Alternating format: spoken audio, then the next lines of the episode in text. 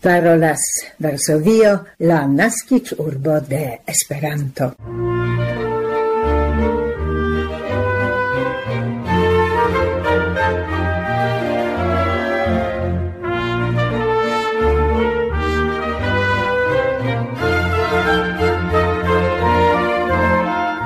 Varman saluton gesignoroi el la Varsovia studio la dudecan de februaro 2024. En la semaino de internazia amicezzo, kiu abundu je multei amicei rencontigioi, en ciui Esperanto-grupoj kaj kunvenoj tra la mondo. Por la 1302 Esperanto-elsendo invitas vin la tuta skipo de Polar Tradio, kaj hodiaŭ aparte Barbara Pietrzak, Gabi Kosiarska, Milada Szwedo kaj Maciej Jaskot – Komence ne proponas aktualaĵojn. En la scienca rubrico ni donas la atenton al la pasinta hierau festo de la pola scienco, cae unu el la polai alterneioi, kiu ciare solenas sian ogdecierigion. Hodiau ni invitas crome por la lauvica rencontigio cun Esperanto-literaturo en la cent kvardek tria fragmenton de la romano Quo Vadis de Henrik Sienkiewicz en la Esperanto-traduko de Lidia Zamenhof. Komence aŭdiĝas aktualaĵoj.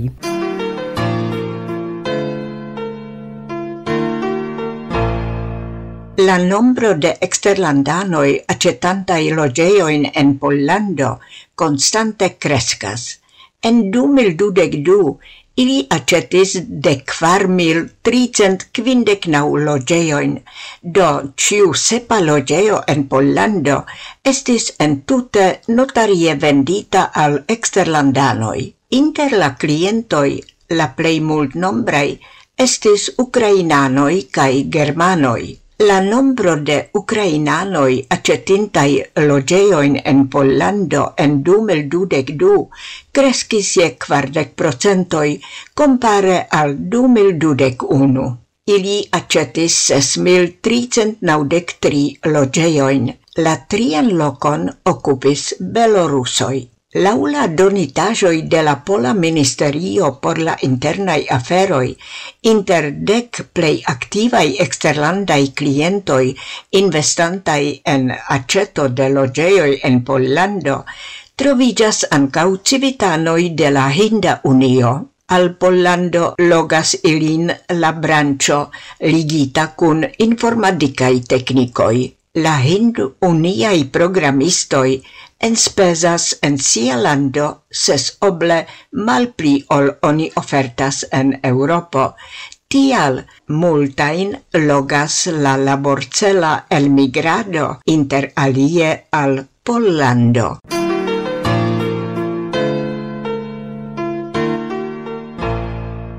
la 2024 jaro en la Biebrza Rivera Nacia Parko en la orienta landoparto estis proklamita kiel jaro de panoramoj Tia maniere, la organizantoj atentingas pri ŝanĝoj okazantaj en la ĉirkaŭantaj nin panoramoj kaj edukcele klarigas kiel tion influas la homa agado ne temas sole pri la rapidei shangioi ocasantai anta unia rigardo, sed ancao pri tio, kiom rapide homo transformas la medion kai kiel malmultiras locoi sen la homa interveno en la natur panoramoin.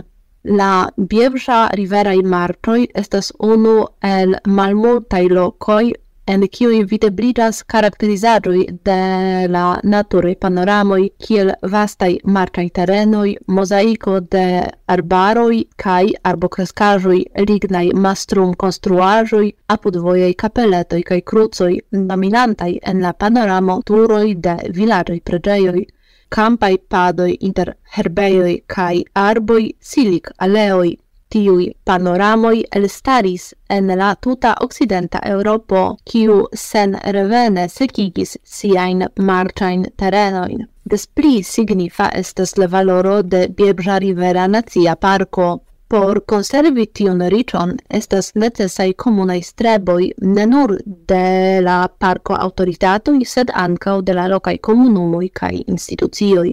La Biebra Rivera Nacia Parko apartenas al la plej valoraj marĉaj terenoj en Eŭropo, kiel rifuĝejo de multaj maloftaj specioj de akvokotaj birdoj kaj alkoj. La duan de februaro oni solenis la internacian tagon de marcioi dum kiu oni honornotas notas mil kvincent unu en cent sepdek du la Biebrza Rivera Nacia Parko kaj ĝiaj unikaj naturaj valoroj kiel vivejo de multaj maloftaj specioj de akvokotaj birdoj kaj fiŝoj ektroviĝis en tiu ĉi listo en 1995 jaro.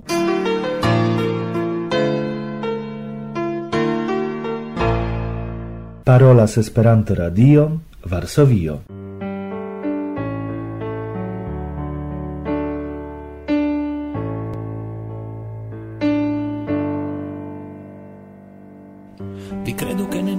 Ciam resta sam. Ni trovo sia la voglia un por eliri Ni vido santa un i alian situazion Tio certas, tio normalas. Ne clarigeblas tamen nia en voyagi La nebrensebla homa en vagadi più serčade personu che fariĝu celo de nia bezono de amo de amo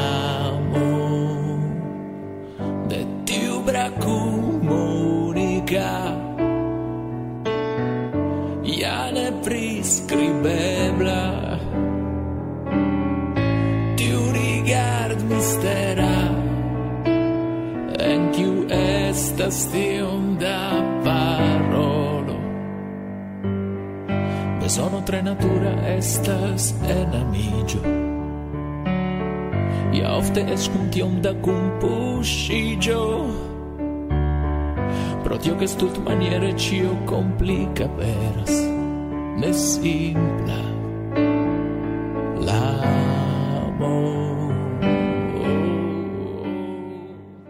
Hodiau musica accompagnis nin fragmente la canto Tiu bracumo unica de Lucio Avitabile en Esperanto, kiu gajnis la unuan lokon en la kvardeka canto parado organizata de Heinz Wilhelm Sprick el Germanio. Vi audas la programon de la Esperanto Radio Varsovio.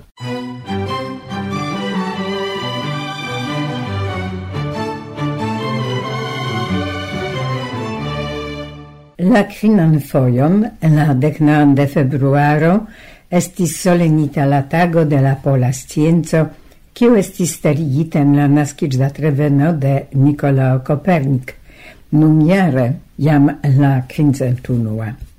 Gia celo estas inspiri al la sequado de polai esploristoi cae firmigi interesigion pri la scienzo generale. La tago ebligis iom retrorigardi por constati che in Pollando aktuale funkcias quincent sepdek ok altlernejoj kaj science institucioj, centridek kvin publikaj altlernejoj, ducent dec du ne publicei, cae dec sep ecclesiei.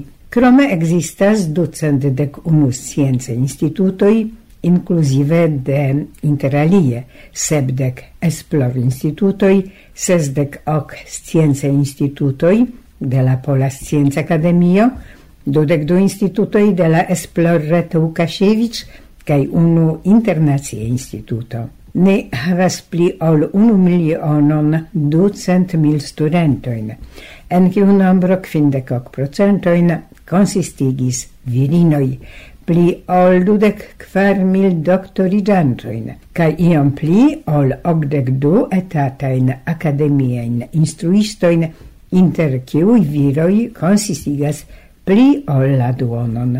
La festo lancita en 2012 esprimas la reconon por la atingaĵoj de polaj sciencistoj en ne pli ol unu miliara historio de la pola nacio kaj ŝtato. Inter la plej elstaraj figuroj de la pola scienco oni mencias inter alie tiajn sciencistojn kiel Mikołaj Kopernik, Jan Heveliusz, Ignacy Łukasiewicz, Karol Olszewski, Zygmunt Wrublewski, Maria Skłodowska-Curie, Henryk Arctowski, Ludwik Hirschfeld, Jan Czochralski kaj Stefan Banach. Universitato de Maria Curie Skłodowska en Lublin en la Orienta Pollando solenas en 2024 sian okdekjariĝon. En la programo de la porokazaj solenaĵoj okazos interalie kongreso dedicita al Maria Curie Skłodowska sub la titolo Novumo estas la virino. Rendevuo de diplomitoj, concertoi. Actuale en la universitato en prescau naudec facultatoi studas dexes mil personoi. La eventoi ligitai cun la jubileo dauros dum la tuta iaro. Ilia culmino ocasos en octobro dum la solena inauguro de la nova studiaro.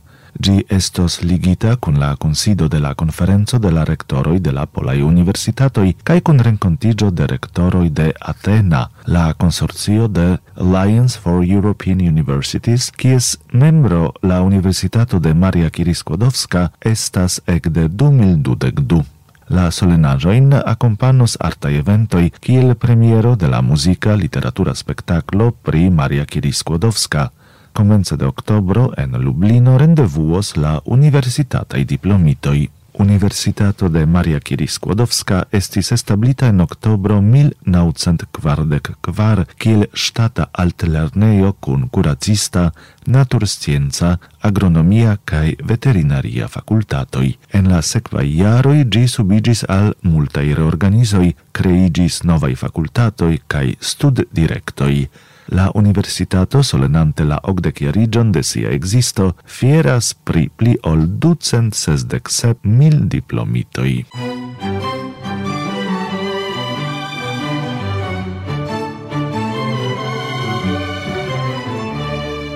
Pola Retradio daurigas la Esperanto-elsendon.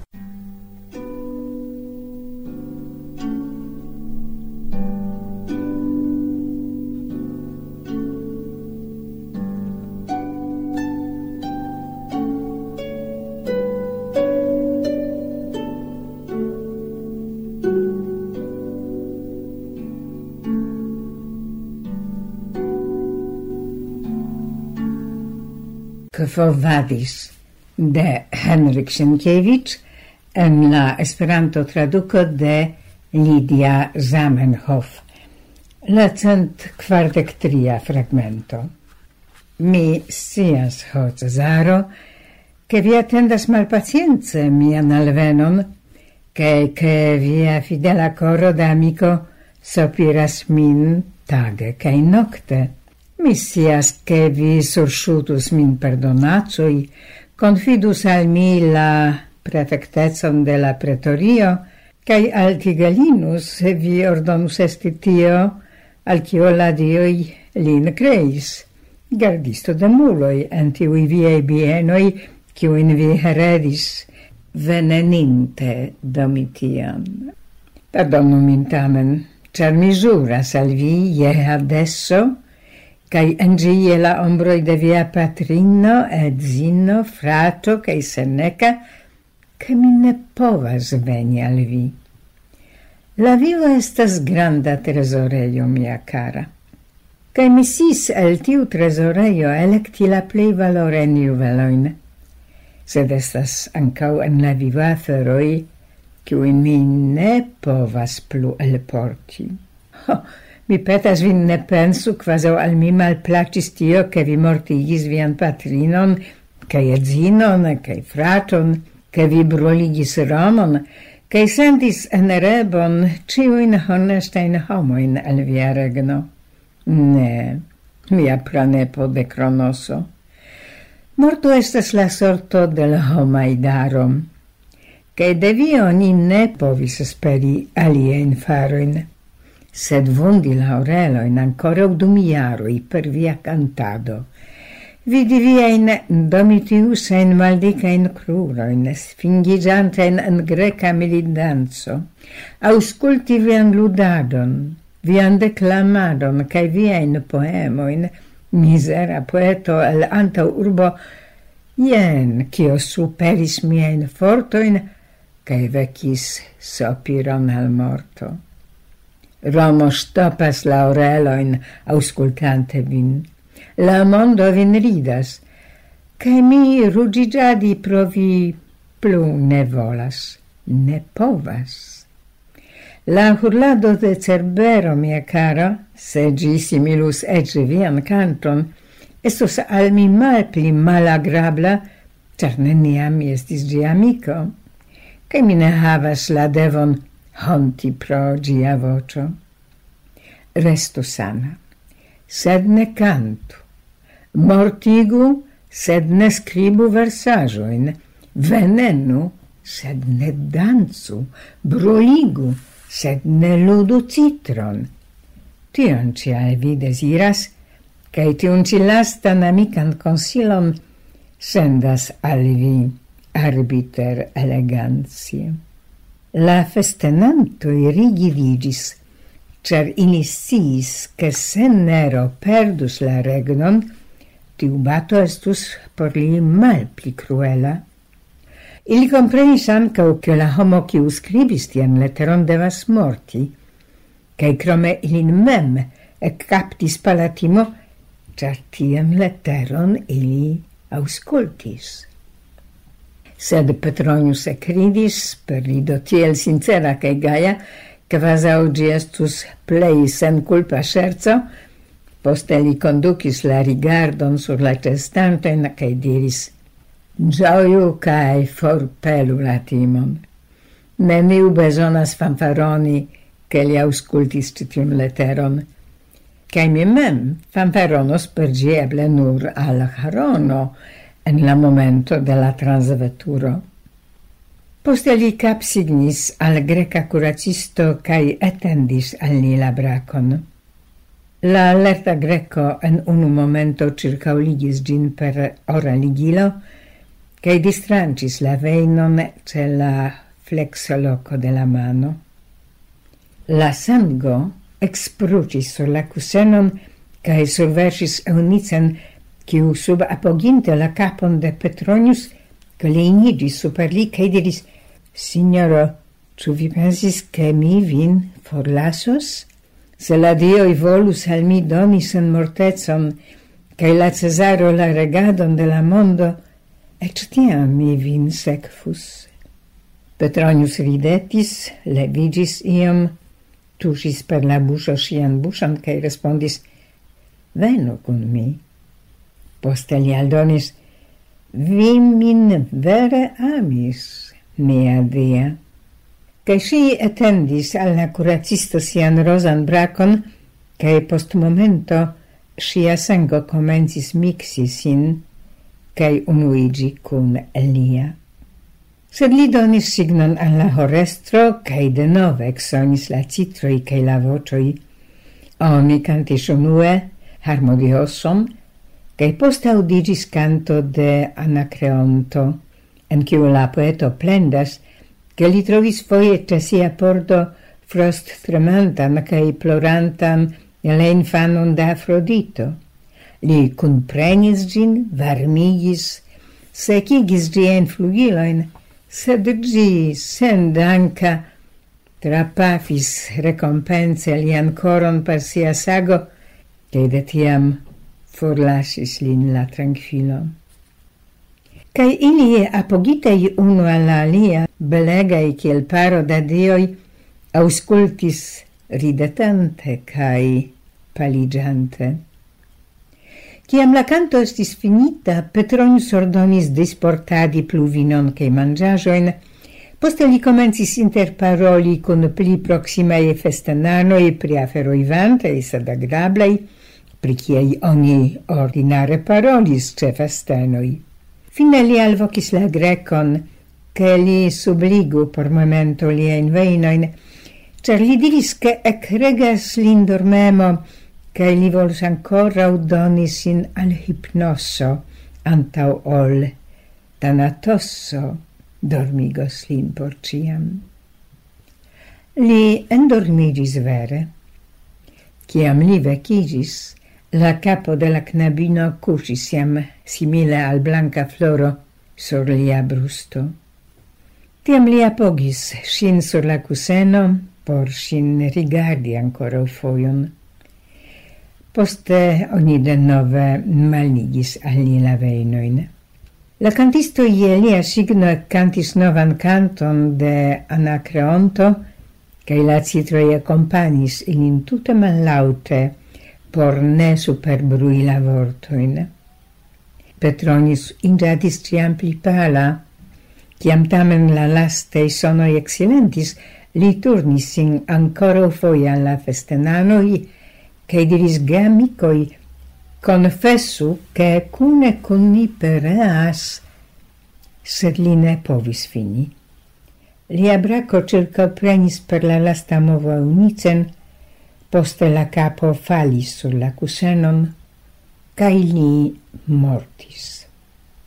La festenano et amen, rigardante citiuin du blancain corpoin, similain al belegae statuoi comprenis che cune cun ili peras tiom cio sola restis ancora en ilia mondo.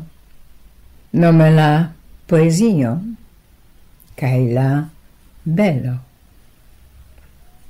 Epilogo Comence la ribello de la Gallei legioi sub la comando de Vindex ne ŝajnis tre minaca.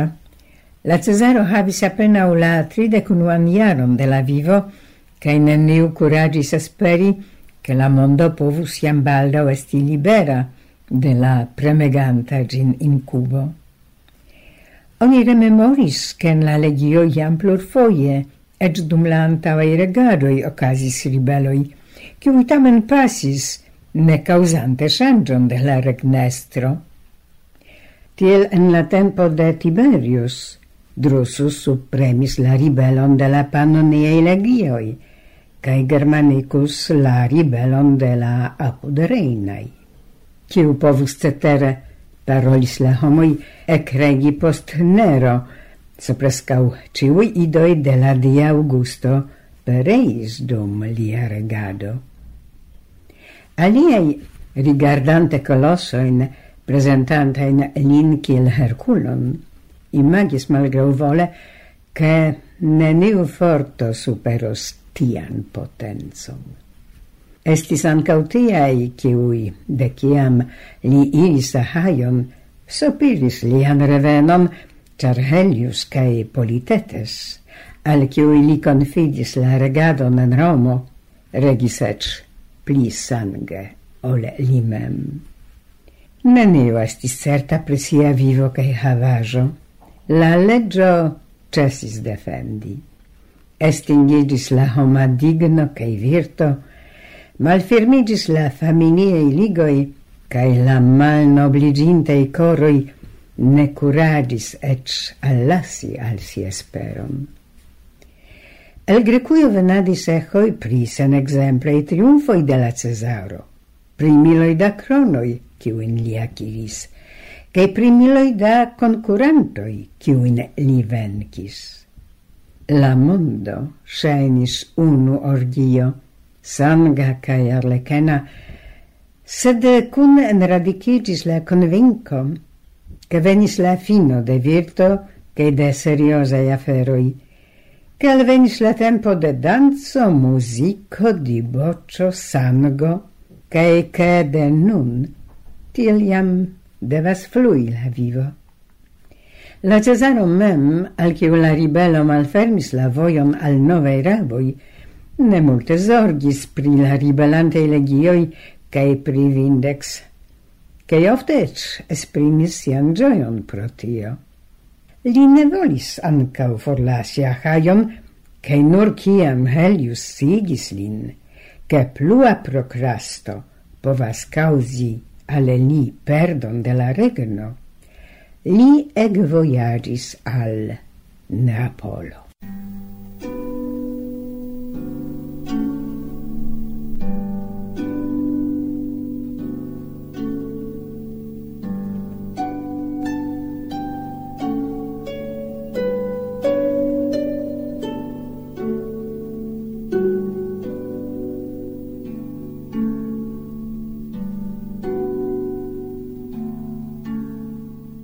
Gesinjoroj, la cent quardec tria fragmento de la romano Quo Vadis de Henrik Sienkiewicz en la Esperanto traduco de Lidia Zamenhof estis la lasta programero en nia mil tricent dua Esperanto el sendo el Varsovio.